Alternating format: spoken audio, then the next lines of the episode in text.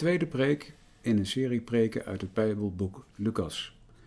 Thema is Meisje dat het laat gebeuren. Voorganger is dominee Johan Visser. Opgenomen in de Noorderkerk Amsterdam op 9 december 2018. We lezen Lucas 1, vers 26 tot 38. In de zesde maand werd de engel Gabriel door God gezonden naar een stad in Galilea, waarvan de naam Nazareth was.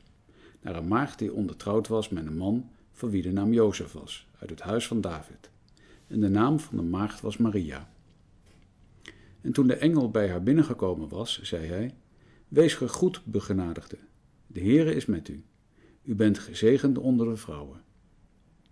Toen ze hem zag, raakte ze in verwarring door zijn woorden en zij vroeg zich af wat de betekenis van deze groet kon zijn. En de engel zei tegen haar: Wees niet bevreesd, Maria, want u hebt genade gevonden bij God. En zie, u zult zwanger worden en een zoon baren, en u zult hem de naam Jezus geven. Hij zal groot zijn en de zoon van de Allerhoogste genoemd worden. En God de Heere zal hem de troon van zijn vader David geven. En hij zal over het huis van Jacob koning zijn tot een eeuwigheid, en aan zijn koninkrijk zal geen einde komen. Maria zei tegen de engel: Hoe zal dat mogelijk zijn, aangezien ik geen gemeenschap heb met een man?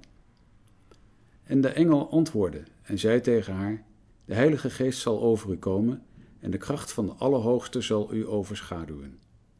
Daarom ook zal het Heilige dat uit u geboren zal worden, Gods zoon genoemd worden.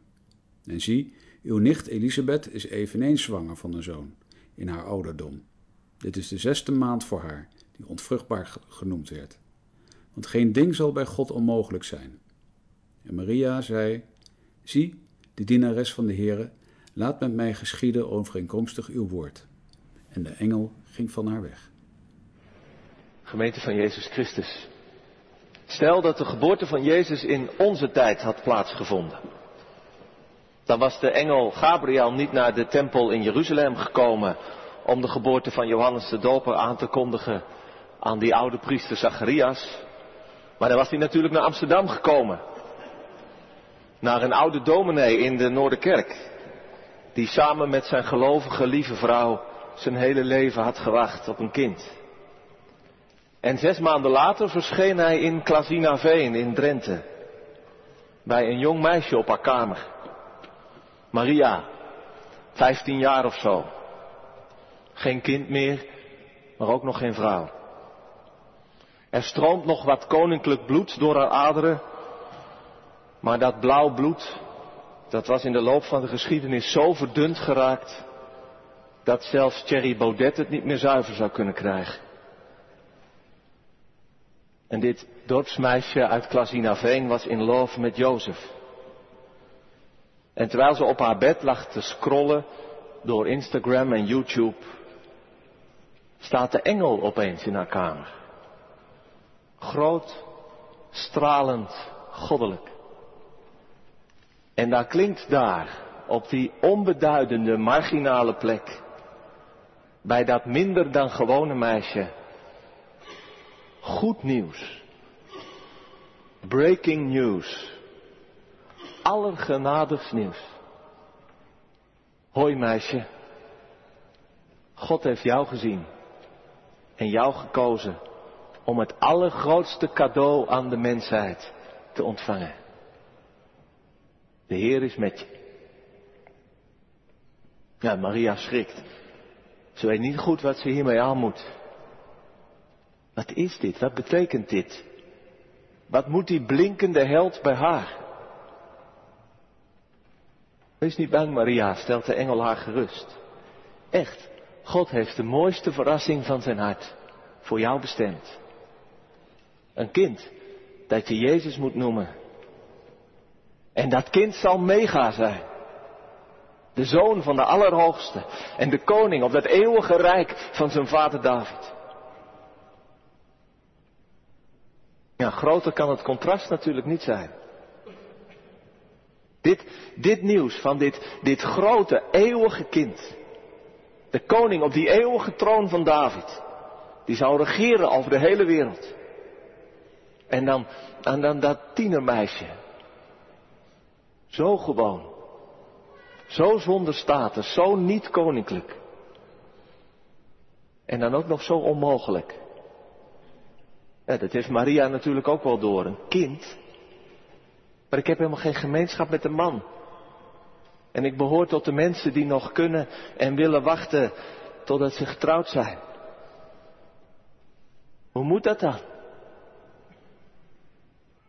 Gabriel die zal wel hebben geglimlacht over deze heerlijke zuivere onschuld.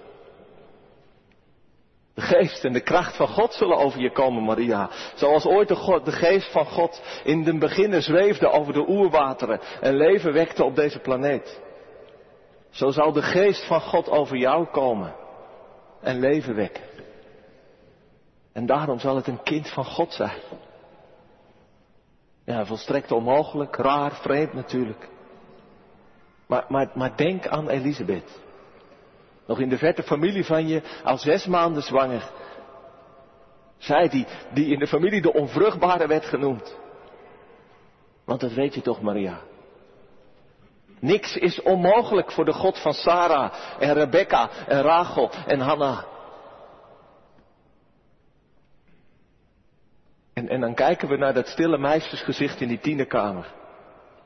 Wat zal ze zeggen? Ja, liever niet. Kies maar een ander. Of zoals die dominee van de Noorden. Hoe kan ik weten of dit echt waar is? Of, wacht even, ik ben baas in eigen buik. En daar blijf ik. Sorry. Nee, ze zegt, hier ben ik. At your service, Lord. Ik doe mee.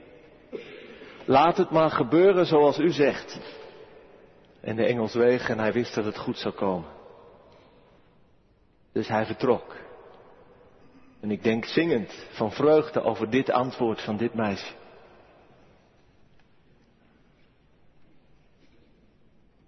Het is advent.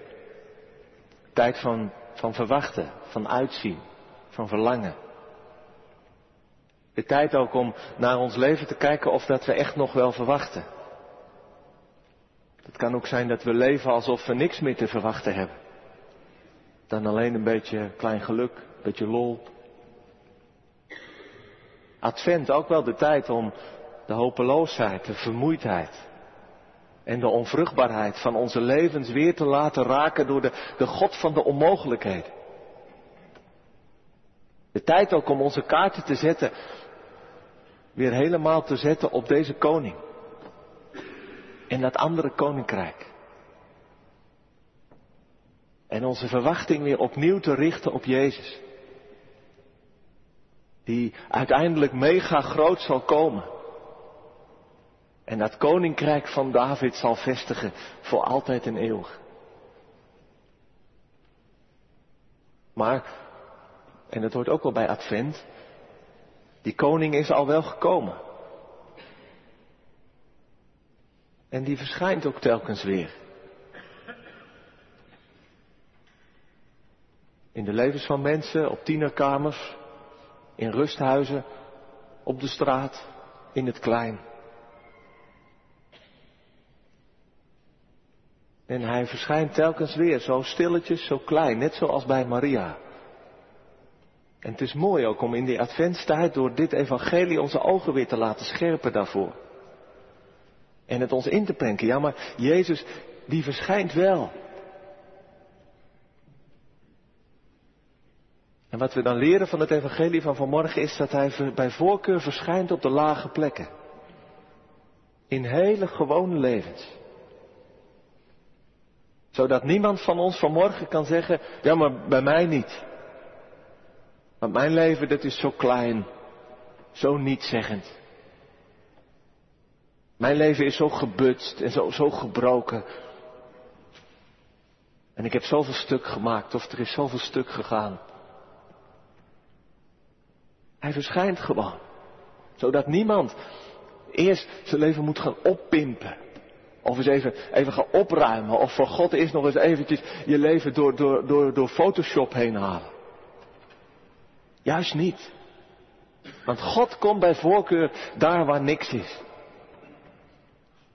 Hij schept leven in, in de chaos. En in de donkerheid van de zonde. Hij daalt altijd weer af naar het laagste punt. En het is zo goed om dat te beseffen. Ik las deze week een column van Tim Zingt. Misschien kent u dat wel. Hij schrijft wel eens in, in de visie van de EO. En hij schreef over drie vrienden, of uit zijn vriendenkring drie mensen die na heel enthousiast voor het geloof in de kerk te zijn gegaan, heel verschillende kerken, allemaal waren afgehaakt. Omdat ze zo waren afgehaakt op de kerk. En wat bij mij bleef hangen uit zijn verhaal, uit die verhalen van die, van die, van die mensen uit zijn vriendenkring, was dat die, ze het idee hadden dat de kerk aan de ene kant een soort van wij-zij verhaal is. Altijd een beetje wij hier, wij doen het goed en dan heb je de hele boze wereld buiten. Terwijl dat niet, ik denk dat wij dat allemaal kennen, dat het zo simpel zeker niet is en vaak ook niet klopt. Maar ook dat hij zei dat die mensen het gevoel hadden dat het in de kerk altijd een soort van, van topsport moest zijn. God is nooit hier, maar God is altijd daar en dan moeten wij moeten dan daar naartoe.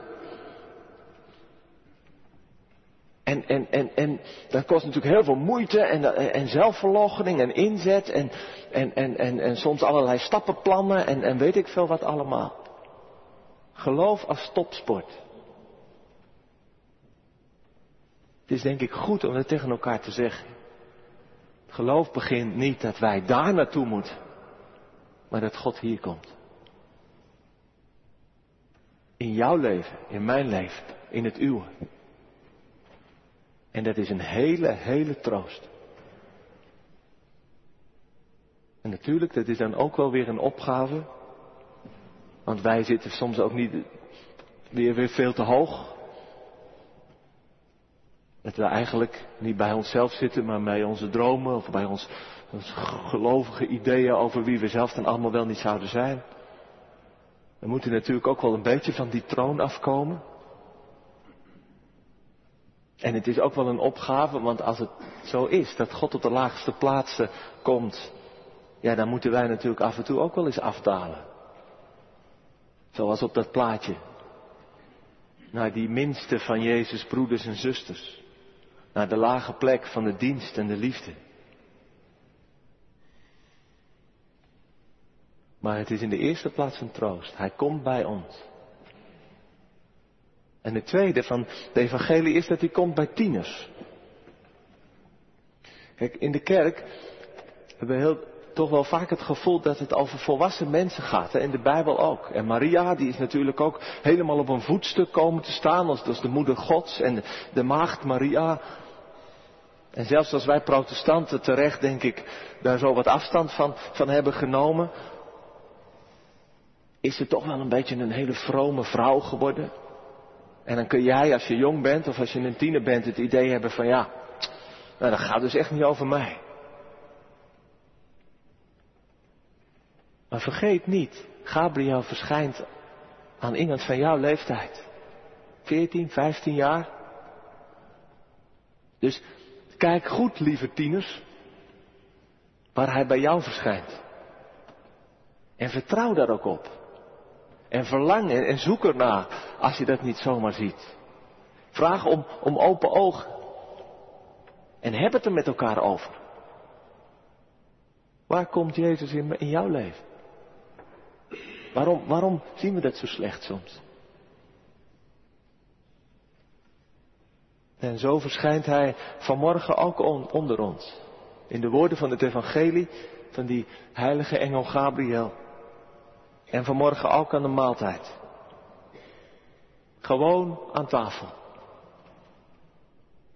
En we worden uitgenodigd om niet meer te doen dan te komen.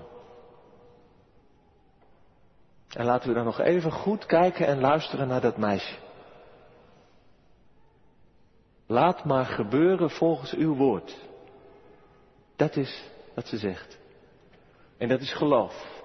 En Maria zouden we met recht de moeder van alle gelovigen kunnen noemen. En zoals Abraham onze vader is. Die overgave. Laat het maar gebeuren dan. zoals u zegt. Laat die koning maar in mijn leven komen en, en mij in dienst nemen. En, en wat dan ook de gevolgen en de kosten mogen zijn, laat het maar gebeuren. Zoals u zegt en zoals u doet. Laten we zo ook komen vanmorgen. Heere God, hier ben ik met mijn leven. Met alles. Met, mijn dromen, mijn verlangens, mijn plannen. Met alles waar ik, waar ik zo dankbaar van voor, voor ben. Maar laten we ook komen met alles wat maar niet heel en, en, en, en niet anders wordt. Met je schuld en met je schaamte. En ook met je teleurstellingen en je vragen en je aarzelingen. Ook met die wereld, want we zingen het natuurlijk wel, we hebben het gehoord, dat het het eeuwige rijk van David. Maar als je naar de wereld kijkt, wat gebeurt er allemaal? Wat is er aan de hand? Zoveel onmogelijk. Maar kom en vertrouw je aan Hem toe, die ook vandaag weer onder ons komt. Laat het maar gebeuren, Heere God. Volgens uw woord. Zoals u het belooft. En zoals u in die hele gewone lage tekens van een heel klein stukje brood en een slokje wijn in ons midden bent. En in mij komt. Laat het zomaar gebeuren. Amen.